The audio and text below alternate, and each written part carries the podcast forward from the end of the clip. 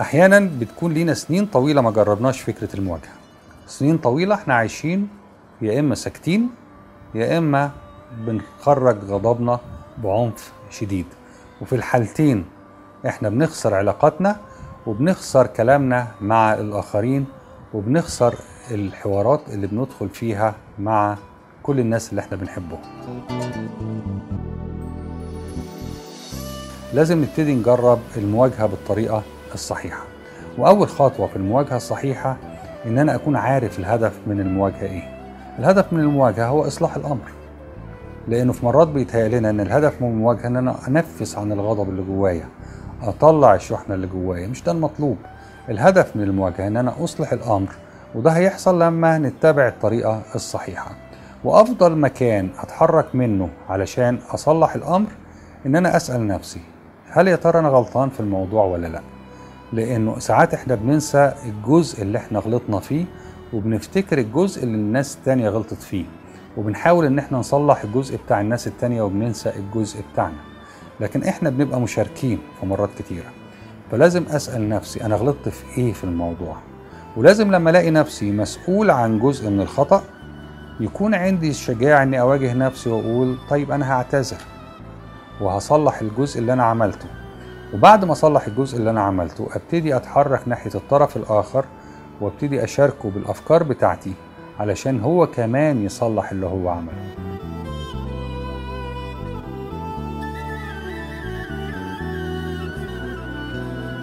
جربت في يوم انك انت تكون محتاج تقول حاجة لكن شايلها جواك وكاتمها وبتعاني من انك انت كاتمها؟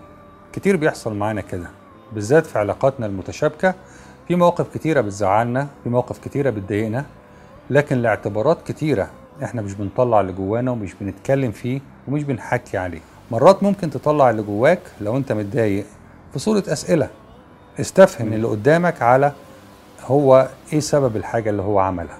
حصل موقف معين وأنت اتضايقت منه اسأل واستفسر وقول أنا مش فاهم اللي بيحصل ده بيحصل ليه. مش لازم يكون رد فعلك عنيف ومش لازم في نفس الوقت يكون رد فعلك سلبي. لكن ممكن ببعض الأسئلة اللي أنت بتطرحها الاستفهامية اللي ما فيهاش أي نوع من الاتهام للطرف الآخر تكون بتحصل على أجوبة تطلع فيها اللي جواك وتعرف بيها معلومات تانية. في مرات المواجهة بتحمينا من مشاكل كتيرة مستقبلية ففي مرات المواجهة بتكون حتمية ولازم ما نأجلهاش.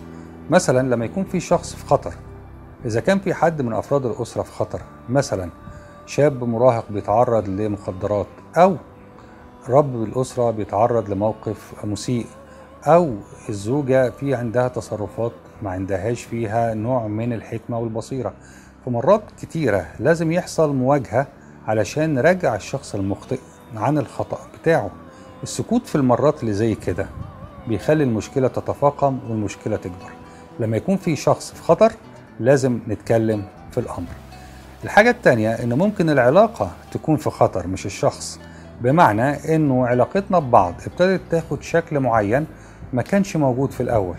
ابتدينا مثلا يكون بينا كلام جارح ابتدينا مثلا يكون بينا عدم احترام ابتدينا مثلا نكون مش بنراعي بعض أو ابتدينا في الناحية التانية يكون بينا نوع من الإهمال أو نوع من الصمت أو نوع من اللامبالاة. إذا سكتنا على الأمور دي إحنا بنرحل المشكلة للمستقبل والمشكلة هتنفجر في وشنا أكبر بكتير من دلوقتي. فلازم نواجه ونتكلم ونقول إن إحنا شايفين قدامنا مشكلة. الحاجة التالتة إن ممكن يكون في مثلا وسط الأسرة أو وسط المجموعة اللي أنا عايش وسطيها حصل نوع من الانقسام حصل نوع من الصراع. ممكن أنا ما أكونش موجود جوه الصراع ده لكن شايف بعينيا أطراف جوه الأسرة وأطراف جوه المجموعة بتتخانق وبتتصارع. إذا أنا سكت أنا كده بسيب الصراع يتغذى وبسيب الصراع يكبر. لازم أواجه وأجيب الأطراف وأتكلم معاهم وأكون حكيم وأنا بتكلم معاهم وما أسكتش على الأمر لغاية لما يتطور.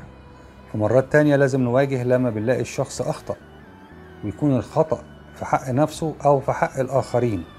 لأن لو حد أخطأ في حق نفسه مهم جدا إن أنا أرجعه عن خطأ ولو بيخطئ في حق الآخرين مهم جدا إن أنا أوقف خطأه. في حق الآخرين.